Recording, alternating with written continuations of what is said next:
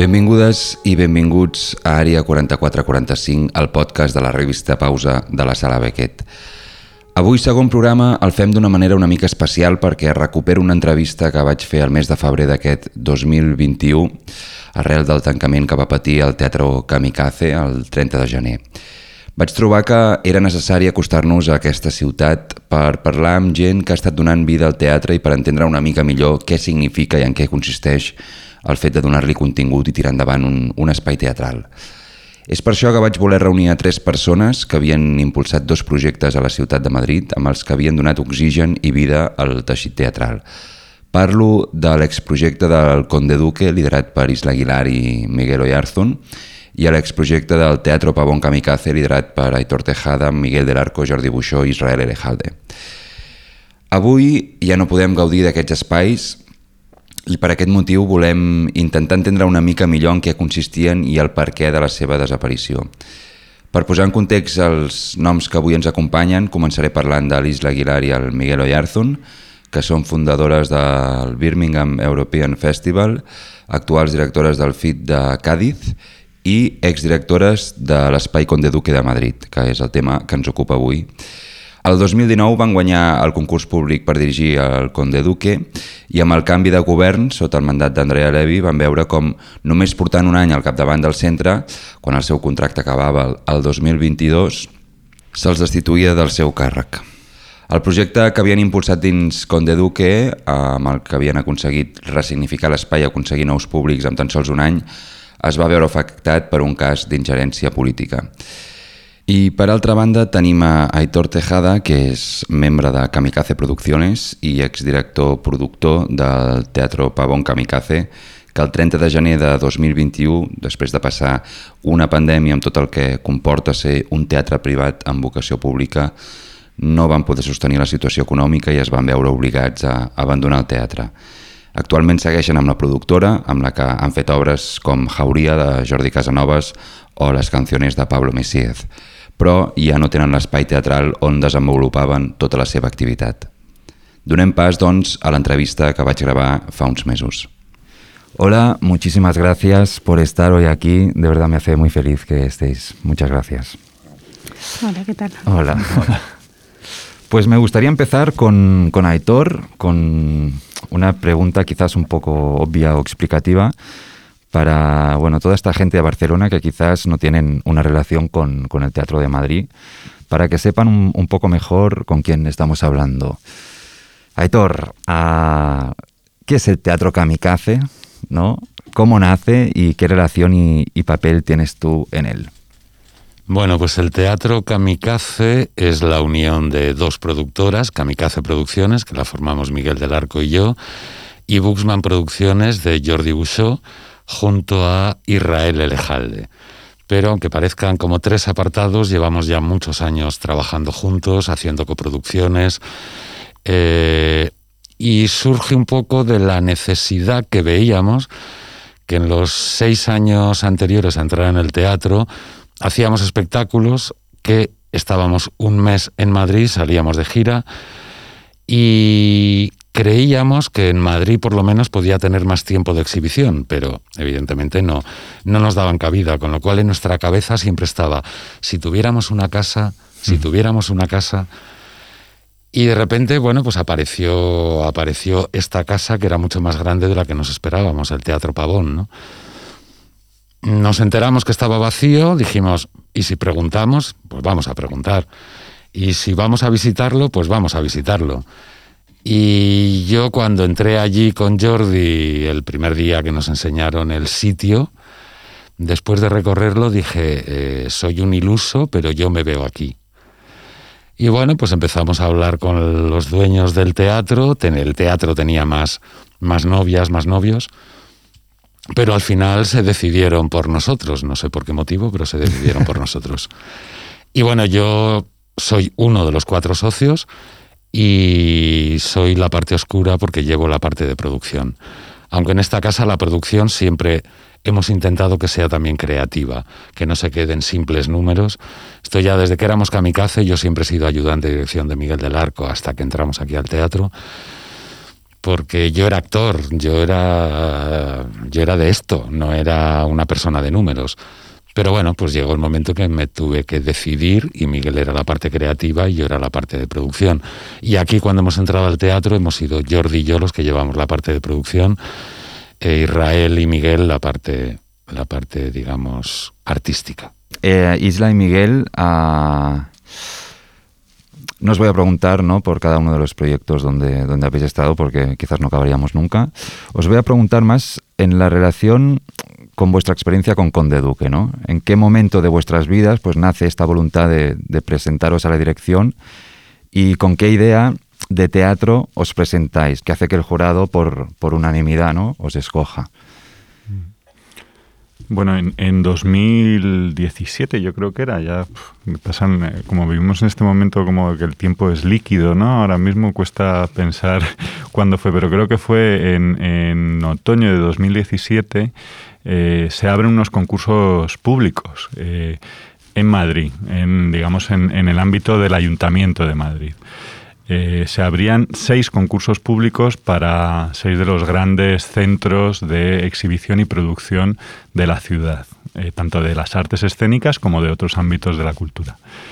Esto era un hecho sin precedentes en la ciudad de Madrid. En otras ciudades de España, como en Barcelona o en otras ciudades europeas, esta práctica es habitual desde hace ya más de 20-30 años. En Francia, por ejemplo, no se concibe de otra manera.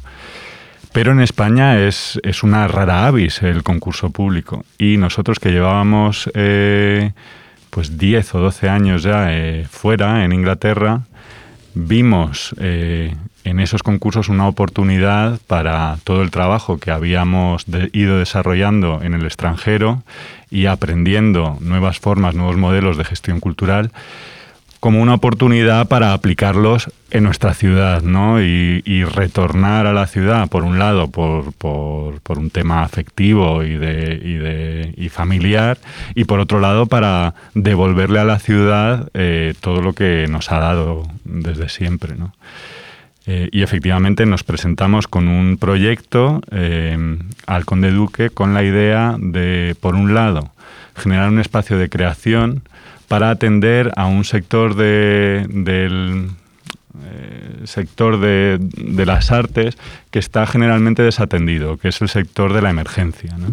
Pareciera que eh, ese sector vive siempre en la emergencia y nosotros queríamos ofrecer una serie de herramientas o de dispositivos para ir eh, eliminando esa emergencia y ofreciendo oportunidades para establecer carreras a medio y largo plazo.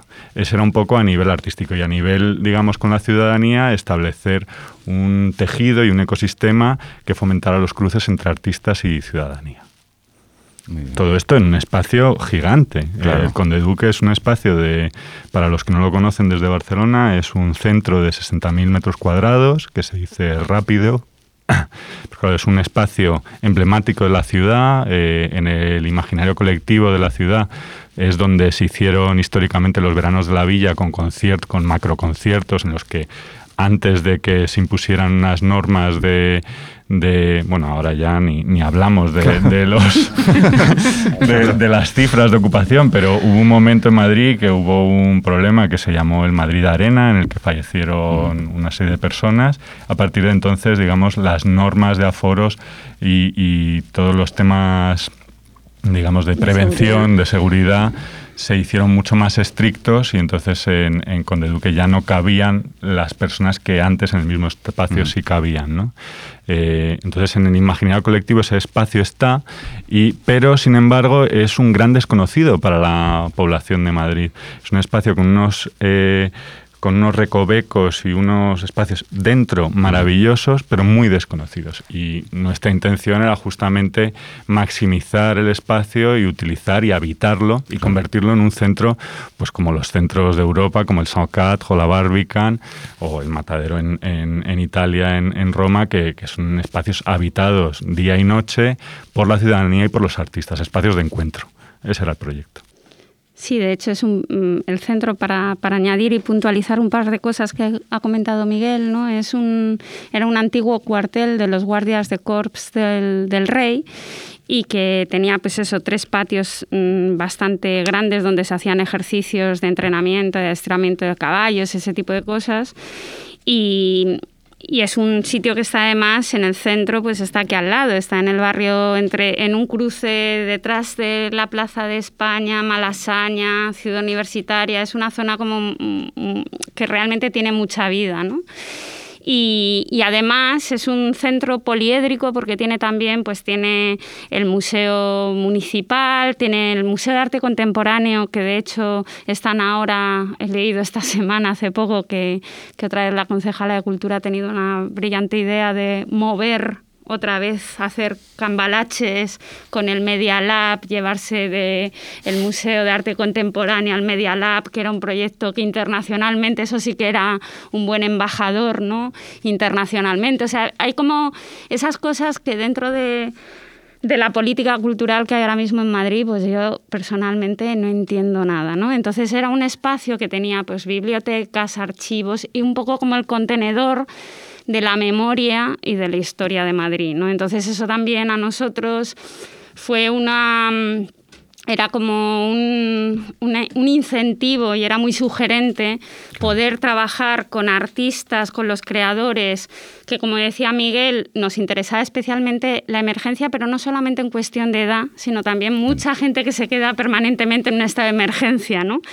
y jugar con esa memoria, intentar generar intersecciones, cruces entre distintas edades y un poco generar un, centro de intercambio, de punto de encuentro, de generar un sitio donde la gente, pues como hicisteis vosotros con esa cafetería, con ese sitio que estaba muy vivo permanentemente, ¿no? Y, poder intercambiar saberes, intercambiar experiencias y dar riqueza y, y vida a la ciudad, ¿no? Entonces era un poco esa que veníamos con muchísimas ganas, porque además eso llevábamos mucho tiempo fuera, ¿no? Y teníamos con muchas ganas de revitalizar ese espacio maravilloso que es el Conde Duque. Hubo un, un momento ahí en el 2018-2019 que venían muchas personas desde Barcelona y me decían, joder, es que Madrid es el modelo que estamos mirando, ¿no? O sea, era continuo este mensaje, ¿no? Que a mí me sorprendía mucho porque desde Madrid nosotros que por eso siempre mirábamos a Barcelona con unos ojos de admiración, de estaba mira lo que están haciendo aquí, ¿no? Y, y, de repente había como un retorno, había una sensación de primavera madrileña, ¿no? Primavera cultural y, y además de una manera muy natural o, yo no sé si... Eh, bueno, se juntaron una serie de personas y de, y de proyectos que convivían muy bien. Había una especie de ecosistema eh, complementario en el que el trabajo que se hacía desde Kamikaze no peleaba con lo que hacíamos nosotros en Conde Duque ni con lo que se hacía en el Teatro de la Abadía, sino que eran complementarios. De hecho, las cifras de, público aumentaron drásticamente en esos años. o sea, que no es esa, ese, esa idea de la competición, que tú me robas artistas o, me robas públicos. Yo, vamos, yo defiendo lo contrario. Creo que eso, que eso es al revés. El hecho de que alguien vaya a ver algo bueno en el kamikaze, eso beneficia a que alguien vuelva al teatro. Se genera, se genera tejido. yo creo que en ese momento, o sea, nosotros creo que llegamos un año antes que vosotros, si, no me si no recuerdo mal. Eh, eh, Madrid estaba muy parado. O sea, no sé cuánto tiempo llevabais antes de entrar ahí, pero Madrid realmente estaba casi muerto. O sea, el teatro español, que en su momento fue un boom, estaba de capa caída, eh, los teatros públicos estaban como que no sabían muy bien a qué atenerse. Entonces, nuestra aparición también fue un poco porque era como decir, ¿qué está pasando? Claro. O sea, que es que, que es que no se está haciendo nada, es que no, dentro yo veía que es que no íbamos a tener cabida ni aunque hiciéramos otra producción estupenda, porque es que había algo que estaba como muy enrarecido en la ciudad, ¿no? Entonces, cuando llegamos nosotros dijimos, llegamos aquí un poco a movilizar esto. Y recuerdo el momento en que llegasteis vosotros, porque además Jordi formó parte de ese jurado, eh, y era como decir, mm, venga, que pasen cosas y que pasen cosas diferentes, ¿no? O sea, que, que estábamos un poco como apoltronados, como muy pasotas en esta ciudad respecto al teatro, no se estaba haciendo nada. Y si ya Madrid es una ciudad... Mm, eh, bastante densita en muchos momentos, eh, de repente era como es que ya como se nos acabe esto, directamente vamos a desaparecer. ¿Qué camino llevamos? Pero bueno, otra vez de nuevo. Curiosamente, ¿no? A ninguno de estos proyectos ahora mismo pues tiene vida o de alguna manera han muerto de, alguna manera, ¿no? Pero aquí seguimos, mira los claro que sí, esto siempre. Qué guapos están y mira, a mí aquí seguimos. La pregunta sería ¿por qué se terminan estos proyectos? ¿Por qué? Ah, ¿Qué pasa? Bueno, su caso yo creo que es un caso mucho más específico y concreto, pero bueno, yo creo que Vamos a ver, nosotros ahora mismo, evidentemente, nuestro contrato acababa ahora en julio del 21. Cuando nosotros llegamos a, cuando levantamos este proyecto, eh, dijimos qué era lo que pretendíamos hacer, que era que Madrid tuviera un espacio dedicado a la, a la dramaturgia contemporánea y que pensábamos que era un espacio que faltaba en esta ciudad, porque casualmente en Barcelona la Beckett ya mm. lleva muchos años, mm, además ahora ya con un sitio estupendo, pero esto en Barcelona lleva ya 20, 25, 30, no sé, yo casi desde que llegué a Madrid hace 40. Mm. Entonces, en Madrid nunca lo hubo.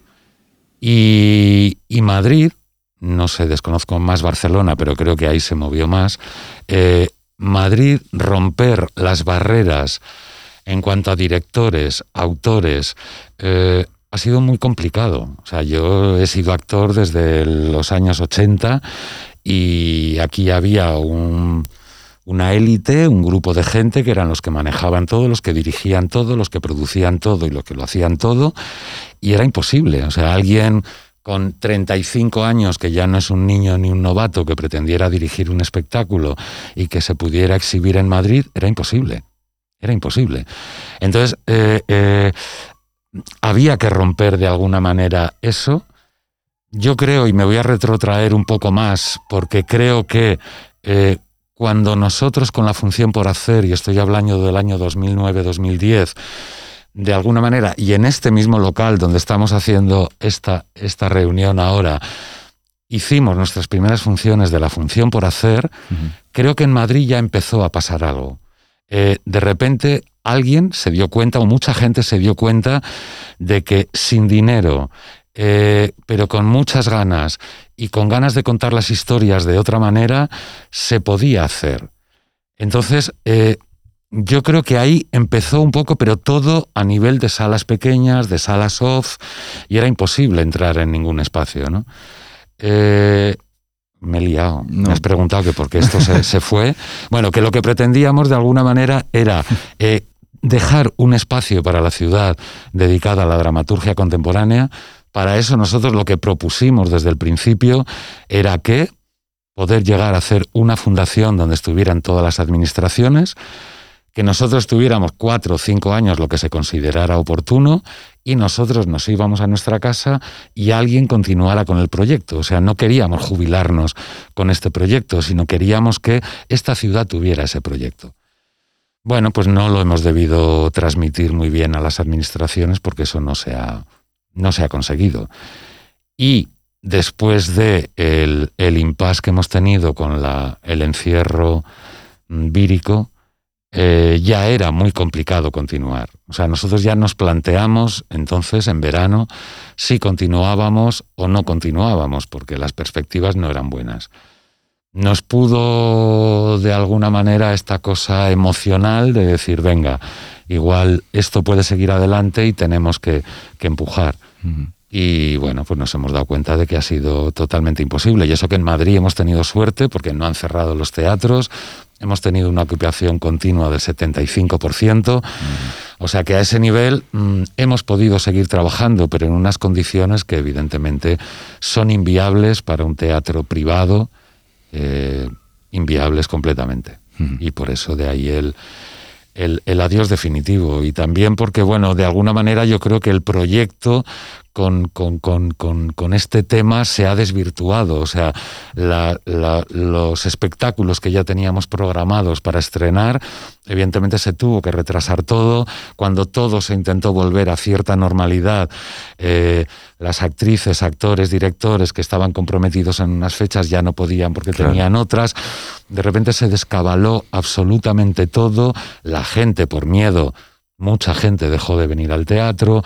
Entonces, bueno, pues las circunstancias han sido terribles y creo que yo creo que hemos tomado una decisión en un momento oportuno antes de que de que este proyecto acabáramos mm, odiándolo. Entonces yo creo que hemos acabado en un momento digno, eh, los cuatro socios seguimos siendo amigos, además de socios. Eh, no, se nos, no creemos que este proyecto esté terminado, es decir, este proyecto creo que puede tener mucha más vida.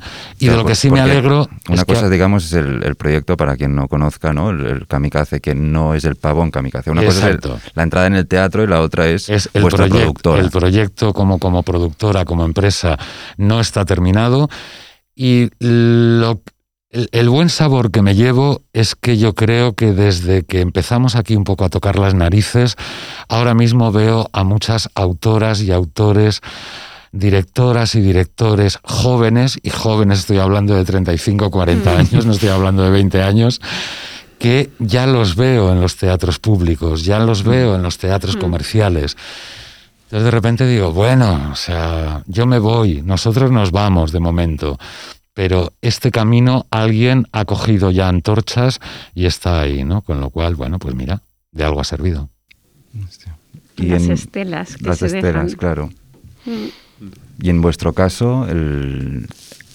¿qué pasó? Para, bueno, finalizar nuestro, caso, eh, sí. Eh, nuestro caso es un caso de injerencia política, te quiero decir. Eh, podría entrar en detalle, pero creo que no es necesario. Es, vivimos en un eh, desafortunadamente en este país vivimos eh, en un mundo en el que en el que los ciclos políticos eh, afectan, todo. y los ciclos políticos digamos van en contradicción con los proyectos artísticos de calado. Es decir para que un proyecto como Kamikaze como Conde Duque como el que sea tenga un impacto real como la Beckett bueno se tienen que sostener en el tiempo y tienen que tener un apoyo continuado independientemente de quién gobierna, porque el público no cambia, lo que cambian son los políticos. el público es de derechas, de izquierdas, da igual. El público sigue yendo o no va yendo independientemente de los políticos. Entonces, bueno, pues eh, desafortunadamente eh, nos queda mucho mm, camino por recorrer eh, comparado con países, otros países de Europa en ese sentido, ¿no? Ocurre aquí que cuando hay un cambio político lo que se hace es patrimonializar desde la política los artistas y los, y los profesionales de la cultura. Y entonces... Eh, y los espacios, por supuesto, sí. Al final se patrimonializa la, la, cultura y deja el sector en, un, en, una posición de extrema fragilidad. Porque, em, bueno, pues porque nos pone en una situación eh, en la que estamos indefensos porque no, por un lado los proyectos no pueden eh, continuar, no hay recorrido y por otro lado em, es peligroso porque obligan a posicionarte políticamente cuando no necesariamente tendría que ser así. ¿no? Entonces, bueno, pues es, es, hablando en plata es una mierda comparando con, con otros espacios, ¿no? con otros territorios.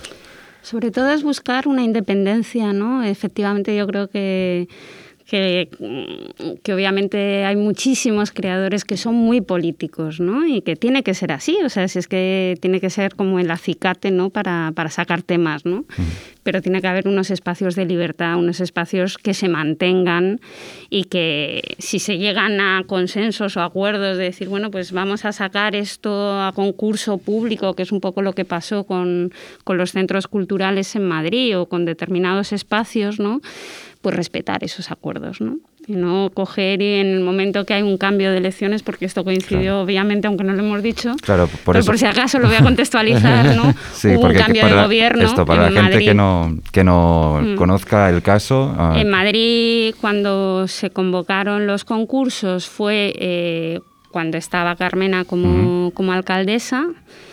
Y eh, cuando hubo el cambio de gobierno y ganaron las elecciones eh, el PP, pues hubo un cambio de política cultural, de, dirección, por así decirlo. Entonces, mm, progresivamente, nosotros no fuimos los, ni los primeros ni, los, ni hemos sido los últimos quizá fue el caso más sangrante o más evidente, ¿no? Yo creo que fue como el castigo ejemplar, ¿no? Para decir, puñetazo en la mesa y aquí que todo el mundo sepa para dónde vamos y ojito y cuidado, ¿no? Eh, vamos a empezar a, meter a la gente otra vez en el redil, ¿no? Entonces eso, la verdad es que es un poco... Mm, yo creo que es, que es ver cómo las injerencias políticas, que no haya ese respeto hacia la profesión, hacia los artistas, que es verdad que es un tejido muy frágil, muy vulnerable, es, es no se da como mucha, mucha grima, ¿no? En Inglaterra esto es implanteable, o sea, los espacios continúan y tienen una gestión y una forma de desarrollarse completamente independiente. Tienen unas subvenciones, tienen unos fondos, una forma de evaluación, pero al margen por completo. ¿Cómo se va a cambiar la política? Cada vez que hay un cambio de ciclo va a cambiar todo, ¿no? Eso es implanteable completamente, ¿no? Esto así de, a, la hora de materializar vuestras ideas, ¿no? ¿Qué dificultades os habéis encontrado y, ¿Y qué ideas habéis podido como formalizar? ¿no? ¿Qué, os habéis encontrado? Yo hablo desde una empresa privada, no desde, desde un espacio público, con lo cual los, los problemas de una empresa privada, con un alquiler y demás son otros. El no contar con un presupuesto antes de empezar una temporada porque no sabes exactamente lo que va a pasar, porque dependemos muchísimo de lo que entre por taquilla. Eh, es verdad que eh, el primer año no, pero después sí hemos tenido ayudas de Comunidad de Madrid, de Ministerio y de Comunidad. Hemos tenido eh, una subvención nominativa de Ayuntamiento y Comunidad y el Ministerio que también nos daba una ayuda a la programación. O sea que a ese nivel, bueno, pues nos han, nos han dicho, ah, bueno, qué bien, qué proyecto tan bonito, vale, os damos esto. Eh, problemas, bueno, pues problemas un poco de gestión, pero por este tema sobre todo económico, porque cuando en un teatro privado, cuando un espectáculo no funciona, en un mes te comes lo que has ganado en el espectáculo que ha funcionado, ¿no? Entonces a ese nivel, bueno, pues ha habido problemas en momentos de decir, ay madre, que no llegamos, que no tenemos para pagar las nóminas a fin de mes. Bueno, pues lo que pasa en cualquier, en cualquier empresa privada, ¿no? Pero bueno, lo demás, por otro lado, oyéndoles a ellos también, es verdad que, viviendo en la misma ciudad, eh, el ser un teatro privado te permite tener un, margen de libertad a la hora de afrontar cosas que no tienes que dar explicaciones más que a ti mismo y a tus tres socios. Con lo cual, bueno, pues de repente dices, vale, mm, voy a meter la pata, pues la meto con todas las consecuencias. Este espectáculo me va a dar dos duros, pues me meto también sabiendo dónde me meto. Entonces, a ese nivel sí que he sentido cierta libertad siempre mirando los números, pero sí cierta, cierta libertad. Dificultades, sobre todo por eso. Y luego también un poco lo, mm, lo maravilloso, lo que he dicho antes, o sea, dejar de alguna manera esa cosa de decir, bueno, pues nuestro proyecto no ha terminado como queríamos, pero por el camino ya, ya, hay unos cuantos autores y autoras que han recibido una beca nuestra con los tres euros de nuestra entrada, que lo veo en los teatros del canal, o en el Teatro Español, o en el María Guerrero, y de repente digo, Vale, pues empezamos apostando por ellos. No son mis hijos, pero, pero de alguna manera no. O sea, que es gente a la que le has visto trabajos suyos en una sala pequeña. Por has visto, Pablo, ¿no? Pablo, Pablo Messier, Pablo, Remón, gente que los has visto en una sala pequeña con un espectáculo. De le has dicho, oye, escríbeme una cosa para el ambigú, para nuestra sala pequeña. La hemos visto y le hemos dicho, oye, escribe y dirige algo para la sala grande. Bueno, pues ver que esa gente que, les hemos dado sus primeras oportunidades en un espacio grande, en un teatro grande, mm, con lo que necesitaran para poder. O sea, el otro día oí una entrevista con Pablo, con Pablo Mesía y me emocionaba, ¿no? Porque decía eso, o sea, que, que de alguna manera él llegó por la primera vez al kamikaze y se le dijo, ¿qué quieres hacer? Eh, pues quiero hacer esto bueno, las canciones en las que tú estás como actor. Yo el día que Pablo Messier nos llegó y nos dijo que quería hacer las canciones, yo cuando me comentó, todavía lo tenía ahí, y me comentó la idea, yo dije, qué bonito. Pero cuando se fue le dije a Jordi, ¿pero esto qué es? ¿Sabes? Pero por otro lado es decir, bueno, ya está, o sea, queremos apoyar a este señor porque hemos visto cosas suyas y de repente pues apuestas, ¿no? Entonces, todo ese trayecto con esta gente y cuando los veo ahora, pues me siento muy orgulloso. Yo, quiero además puntualizar que desde el teatro kamikaze, que lo conozco en realidad por, por segundas personas o terceras personas. Eh, no solo habéis apoyado, es decir, eh, servido como de plataforma de exhibición, sino que habéis eh, apoyado económicamente y tomado riesgos mm. económicos, que además son riesgos vuestros. Quiero decir que al final el que se endeuda sois vosotros cuatro. Por eso digo, este tipo de, de cosas. ha habido textos que de verdad, cuando nos han llegado, evidentemente en las reuniones de socios era como de estamos locos. O sea, es que, es que vamos a vender cuatro entradas. Y claro, por otro lado, queremos hacer o dejar hacer lo que quiera el artista, pero por otro lado en nuestro espacio o entra dinero por taquilla o nos lo comemos. ¿no? Entonces, bueno, pues ha habido sus más y sus menos a la hora de decidir, apostamos por esto. O sea, lo tenemos claro, ¿no? Y decir, venga, apostamos por esto. Entonces, bueno, pues eh, sí, lo hemos hecho y lo hemos hecho encantados encantados. Luego también sabíamos que teníamos algunos otros espectáculos colchones que sabíamos que nos daban un tal, pero por eso económicamente es inviable. Porque evidentemente para que un espacio, para que tú puedas apoyar artistas que no son conocidos, que... O sea que nosotros hemos trabajado con actores famosos, pero hay espectáculos, las canciones donde no hay ningún actor conocido. Entonces, bueno, hemos hecho lo que ellos, lo que, lo que los directores han necesitado hacer, ¿no? Y entonces apoyar eso, pues es, es es un lujo. Claro, nos hubiera encantado apoyar eso con más medios. Y evidentemente hay sitios, zonas donde dices, vale, me arriesgo, pero me puedo arriesgar hasta aquí. Con lo cual los presupuestos, pues seguramente muchas veces, y lo habréis padecido también los actores, no quiero decir, porque de repente cuando llega una, llegaba alguien a Kamikaze, sobre todo los representantes de actores, y nos decían, es que mi actor cobra no sé cuánto. Claro, nosotros siempre decíamos lo mismo pues me parece muy bien.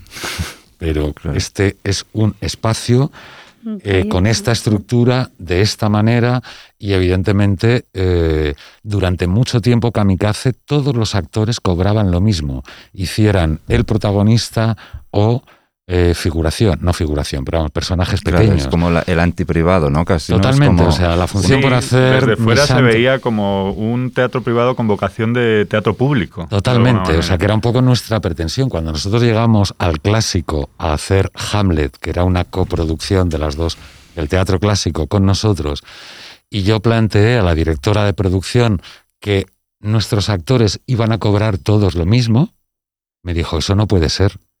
Y yo, eh, perdona, ¿cómo que no puede ser? No, no, eso no puede ser. Digo, bueno, vamos a ver. Cuéntame, pero es tan fácil como sumar el sueldo del protagonista y el del último, o sea, sumarlos todos y dividirlo entre el número de actores. Tú me dices la cantidad resultante y yo veo si mis actores aceptan o no. Claro. Yo creo que, has dado en el clavo en, esta anécdota, ¿no? En, la dificultad en la propia administración. ¿no? Digo, por, hablar de nuestra parte, ¿no? De las dificultades con las que te encuentras es que eh, a día de hoy la administración española, hablo en, la parte de la cultura, que es la parte que, conocemos nosotros, es una administración cuyas estructuras están anticuadas. No necesariamente los funcionarios. ¿eh? Los funcionarios hay gente muy válida, muy puesta, que sabe muy bien hacer su trabajo, pero las estructuras a las que se enfrentan son estructuras muy arcaicas. Muy arcaicas que no están puestas al día de, cómo el arte y la cultura ha avanzado. Entonces, eh, hay un choque, por un lado, un choque eh, generacional, un choque de mentalidades y de, y de, visión de la cultura, y un choque de modelos, propiamente de, de gestión, de modelos artísticos, que no cuadran con las estructuras administrativas. Entonces, constantemente, eh, desde una propuesta de dirección artística contemporánea, te peleas con modelos algunos del siglo XIX. Que son puramente además de exhibición, ¿no? De comprar cosas que están cerradas, que están hechas, que además normalmente suelen beneficiar o que suelen eh, facilitar el hecho de que compañías que tienen ya de por sí como mucho músculo financiero son los que van a poder permitirse estar y asumir esos riesgos, porque normalmente las administraciones públicas, pues eso de procesos de apoyo a la creación ¿qué? ¿Qué me estás contando? ¿sabes? Las, propias, las propias subvenciones, ¿no? Son subvenciones que se pagan mm, pues con mucho tiempo, posteriori. En, Inglaterra o en Francia es al revés, ¿no? Tú presentas una subvención y, hay un calendario de pagos y, en cuanto empiezas te pagan antes de hacer nada, porque entienden que para tú poder hacer un proyecto, eh, eh, bueno, pues necesitas dinero para arrancarlo, ¿no? Entonces, a mí me consta, nos consta que desde la propia administración hay voluntad de cambio de esto. Hay mucha gente arrancando cambio e intentando cambiarlo pero es que eh, las cosas de Palacio van despacio y es que la administración es un buque, es un transatlántico. Entonces, mover cualquier pieza requiere poner el cuerpo eh, de una manera física, o sea, tienes que posicionarte físicamente día a día eh, y, eso conlleva un desgaste. Muy fuerte, muy fuerte. Y entonces eso, pues hay gente que está dispuesta a hacerlo un tiempo determinado, pero quema mucho, claro. Porque a nivel de diferencias, vosotros que habéis estado en Birmingham y habéis tirado mm, adelante ¿no? el Beef Festival, ¿qué diferencias sustanciales? Decías una hora, ¿no? La de los pagos, por ejemplo, en las subvenciones. ¿Qué diferencias sustanciales veis aquí? Diferencia entre Reino Unido y España, ¿no? Bueno, yo creo que allí hay una cosa y es como el, entienden mucho más, eh, todo el proceso administrativo está diseñado para acompañar un poco lo que estábamos hablando, ¿no? Todo facilitar y hacer esos procesos de acompañamiento. Se entiende pues que hay gente que bueno que, ya ha llegado a cierto nivel en, en, sus carreras, que ya puede tener como se puede permitir ciertos colchones y ciertas. Pero hay mucha gente que cuando está arrancando una carrera o cuando está en un punto intermedio o tiene que meterse en determinados proyectos, necesita ese, ese salto de fe ¿no? de, de, parte de las administraciones, que son los que en principio deberían apostar porque los creadores tengan espacios donde poder arriesgar para que puedan pasar cosas, ¿no? Y hay veces que pueden pasar cosas que no son tan afortunadas, pero hay veces que son cosas que es como se va creciendo y cómo se pueden acompañar las carreras de los, de los creadores, ¿no? Entonces, en Inglaterra, por ejemplo, hay muchos procesos de, de, em, investigación y, desarrollo ¿no? de proyectos, que son como dinero, son como pequeñas becas ¿no? que dan como a fondo perdido, que si luego eso mm, tiene como un desarrollo, pues luego ya pasas a una fase de producción o a una fase de, acompañamiento de, gira, o sea, tienes como distintas fases, ¿no? para ir acompañando. Y luego a nivel de, de proyectos como, como el nuestro del Beef Festival, pues un poco también así. O sea, nosotros al principio mm, salen como distintos modelos de becas o de ayudas o de subvenciones para proyectos y una vez que, presentas un proyecto, se ve que ese proyecto tiene posibilidades de crecer, te van dando más cancha, ¿no? Y te van dando más posibilidades siempre con una evaluación, siempre con una serie de controles, siempre y son mucho más ágiles. O sea, nosotros aquí en, en, España, cualquier cosa, lo que estaba contando Miguel, de de poner el cuerpo, de, sentarte con, con, en un despacho para convencer de cómo se puede hacer, buscar cuál es la fórmula para, obviamente, hacer una cosa que es legal, que no estás haciendo nada que es ilegal, pero encontrar la fórmula para que todo el mundo esté contento. ¿no? yo creo que ahí em, en Inglaterra tienen unas estructuras que son muchísimo más ágiles, mucho más rápidas y que lo que quieren es que pasen cosas. ¿no? Y aquí es como todo mucho más ralentizado, ¿no? Es que sin conocer un poco cómo es el tema allí, pero yo creo que es que el problema que tenemos en este país, y seguramente en otros países también, es un poco lo que decíamos antes. Yo creo que no hay una política cultural como tal, no hay un diseño de política cultural. El político de turno cuando llega sabe que tiene cuatro años o para abrir un teatro o para hacer un no sé qué, para que quede algo que él ha hecho. Y es su única preocupación. Entonces, sacan una serie de becas, ayudas, subvenciones, llámalo como quieras, y con eso ellos ya han cumplido su parte del pastel. O sea, ellos tienen un presupuesto de tantos millones de euros, que ya se preocupan de contarnos cuántos millones de euros tienen para nosotros. Eh, Inciso que son muchos menos que en Inglaterra o en Francia. Bueno, eso ya, lo que pasa es que como aquí hemos tenido tres, nos dicen 100 y parece que esto es la pera. Entonces, no hay una política cultural y además durante unos años se han dedicado a decir que es que eh, los artistas somos unos subvencionados. Mm. Esto ha calado en la sociedad. Ha calado. Con lo cual nosotros vivimos del dinero público. que me perdonen, no vivimos del dinero público. Y lo que no cuentan es todas las subvenciones que tienen todas las demás ramas. El automóvil, la minería, el no sé qué. El... Vamos a ver, señores, ¿vivimos en un país subvencionado? Pues a lo mejor os tenéis que plantear otra manera de que funcione este país, pero no es un problema de la cultura, es un problema del país. Y mientras sigan haciendo cultura eh, cortoplacista como es su política política, no hablo ya de la política cultural, la política, que su única preocupación es mantenerse cuatro años para que les voten otros cuatro, como ya dicen que cada año dan no sé cuántos millones a la cultura, ellos ya han cumplido. O sea, por eso cuando dices no hay una estructura, ni eso, dice, hombre, pero si hemos dado no sé cuántos millones, ya señores, pero es que a lo mejor yo no estoy pidiendo dinero. A lo mejor yo estoy pidiendo otra cosa. O sea, porque si ustedes me permiten hacer esta cosa, a lo mejor el dinero me lo puedo buscar yo. Quiero decir, entonces ellos se sienten muy relajados y muy tranquilos porque dan un dinero para la cultura, con lo cual su trabajo ya está justificado. Y durante cuatro años, luego ya podemos entrar en que si la cultura que hacen estos o la que hacen los otros. Pero evidentemente no vamos a llegar nunca a nada cuando cada cuatro años o cada ocho el que llega tumba todo lo que han hecho los anteriores porque está mal hecho.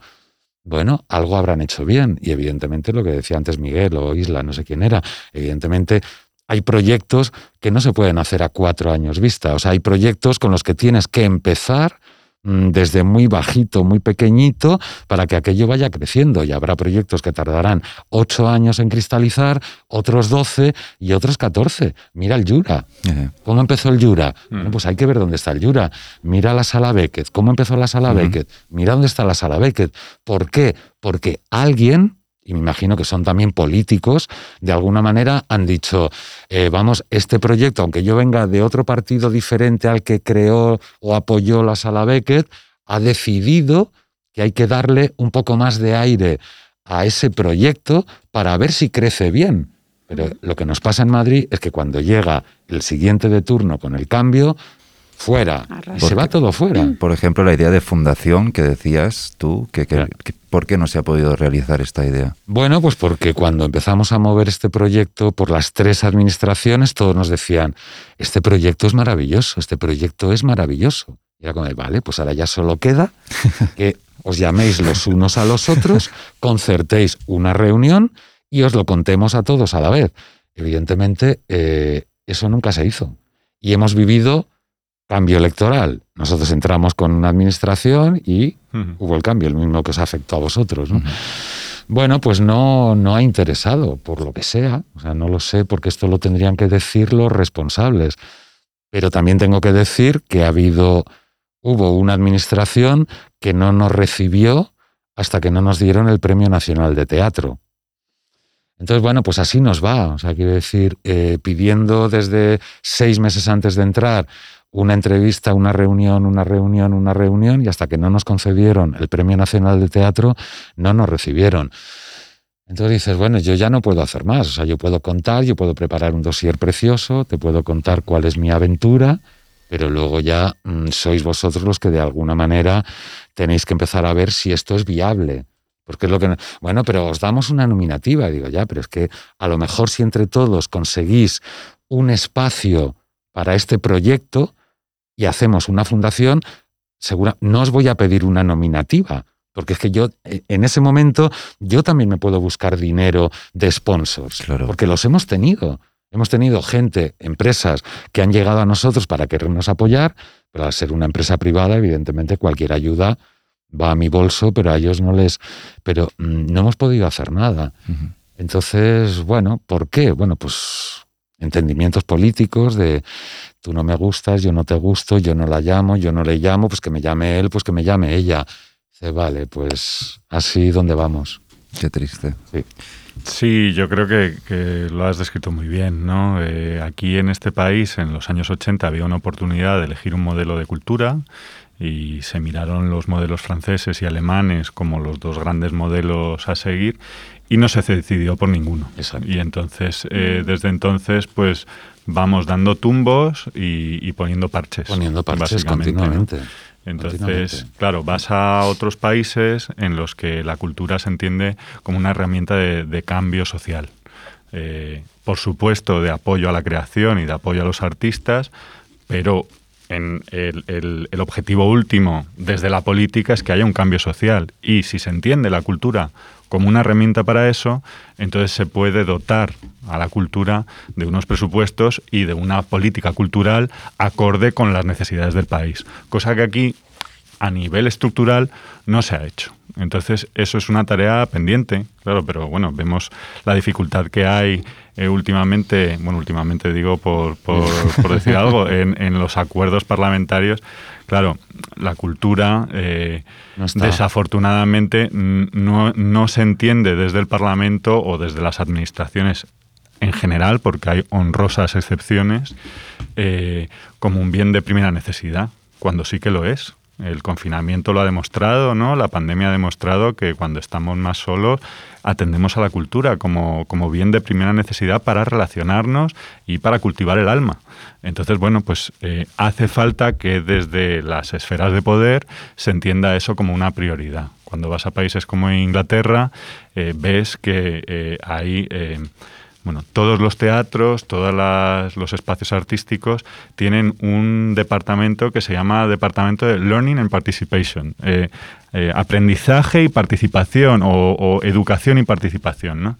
Y si dentro de un proyecto artístico no hay un trabajo con la juventud, con los colectivos excluidos, con, digo, en el teatro público o en los espacios públicos, eh, pues no se les da apoyo. Y es así de claro. Entonces, bueno, pues es que no se concibe de otra manera. Y lo contrario, eh, pues bueno, pues puede usted hacer el West End, que está, que, tiene su lugar y, su necesidad. Pero desde la administración pública, lo que hay que tener claro es para qué queremos dar subvenciones. ¿no? Entonces, por un lado, para apoyar un tejido eh, de un sector eh, artístico y por otro lado, para tener una implicación en un tejido social. Ah, desde ahí, bajo mi punto de vista, es de donde tiene que trabajar la Administración. Y queda articular eso de manera clara en el siglo XXI. No ya en los años 80, que no se hizo, pero en el siglo XXI, con los desafíos a los que nos enfrentamos las personas que vivimos ahora. ¿no? Y en relación a este panorama, ¿qué futuro, no? ¿Qué futuro, ¿qué futuro veis delante de, de esto? No lo sé. Pues es que ahora además la gente yo creo que está, es que realmente hay una situación tan delicada, ¿no? Porque hay muchísima gente que, que, está con una mano delante y otra pues detrás. o sea, que quiero decir que el sector de la cultura, mm, lo que estaba diciendo antes Aitor, ¿no? Que que pese a que se piense que la gente vive mm, de las subvenciones y que no, realmente hay muchísima gente que está poniendo su tiempo, que está poniendo su trabajo durante mucho tiempo y arriesgándose y no tienen colchón. Entonces llevamos un año en el que la gente que se dedica a esto, hay mucha gente que lo está pasando muy mal, que no tiene nada, porque es que de repente, pues sí, oímos todo el tema de la hostelería, de los bares y tal, pero y la gente que, trabaja en los teatros, los técnicos que van de giras, es que se han quedado completamente sin nada, ¿no? Entonces es una situación que, abre las carnes, ¿no? A mí me parece muy preocupante porque además yo no sé realmente...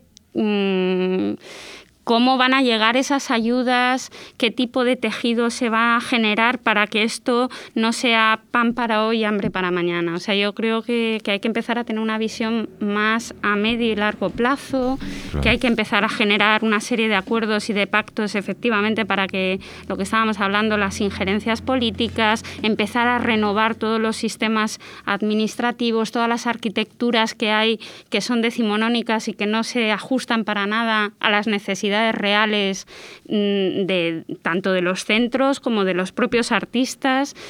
No sé, yo creo que hay que empezar a hacer ese proceso de acompañamiento desde otro lugar en el que se tenga una visión y una política cultural que efectivamente pues habrá que decantarse por un modelo o pensarlo y consensuarlo entre los distintos eh, actores ¿no? para que esto vaya adelante ¿no? y, no sé, proteger el sector.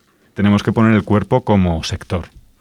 O sea, hmm. falta una unidad en este país que no solo ocurre en cultura, ocurre a otros niveles, pero en cultura es especialmente flagrante. bajo mi punto de vista, la fragilidad y la precariedad del sector hace que el sector esté muy atomizado y que al final sea eh, sálvese, eh, quien, pueda. Y entonces yo no me posiciono y no hago una serie de reivindicaciones porque eso puede dañar mi carrera. Y también hemos visto, desafortunadamente, que cuando te posicionas, pues, pues tiene consecuencias. evidentemente. Eh, bueno, pues, pues tal vez sea el momento de que, de que como sector, pero claro, un sector se hace a través de individuos, que todos los individuos nos comprometamos, ¿no? Porque, por ejemplo, Kamikaze es un ejemplo fantástico, ¿no? Es gente no partidista, es decir, no, no están alineados con un partido político, por lo menos públicamente, quiero decir, y si no lo estamos, aunque ya nos han dicho de qué partido somos. claro, pero, claro, cada uno te coloca en un arco político, aunque tú puedas votar otra cosa, ¿no? Eso da igual, o no votes o lo que sea, ¿no?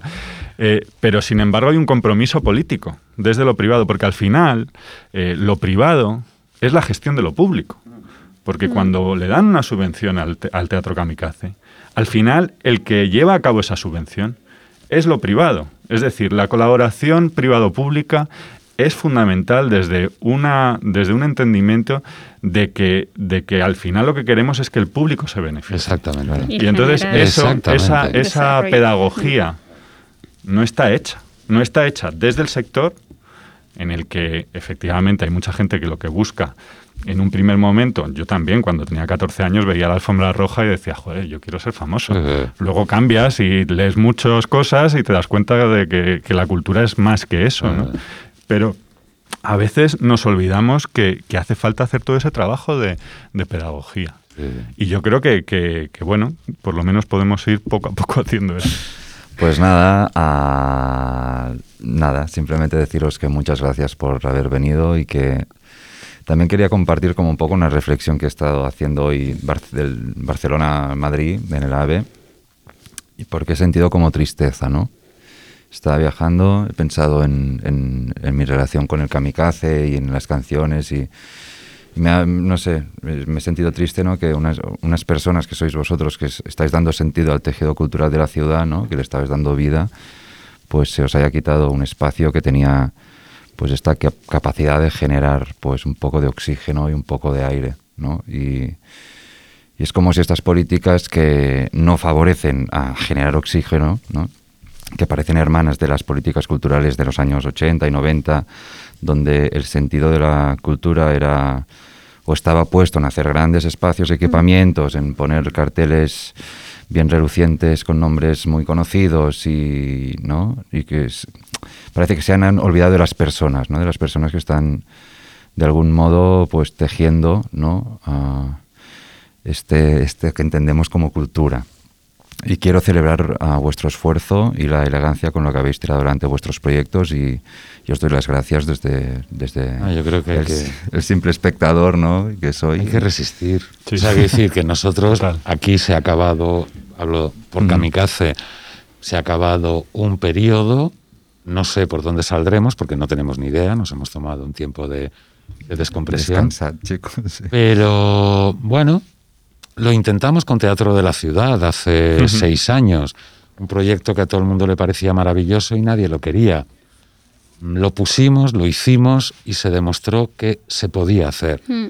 Lo hemos intentado con el teatro kamikaze. Bueno, pues ya está, nos han dado aquí, nos han dado en la izquierda, en la mejilla izquierda y en la derecha, y no sé por dónde saldremos. Igual no hacemos nunca nada más, pero que, que en el momento en que surja otra chispa de algo que nos emocione, porque evidentemente esto, evidentemente hay que comer de ello, pero si lo hacemos es porque hay algo que nos emociona, que nos motiva mm. para acompañar, para empujar a alguien o para hacer lo que tú quieres.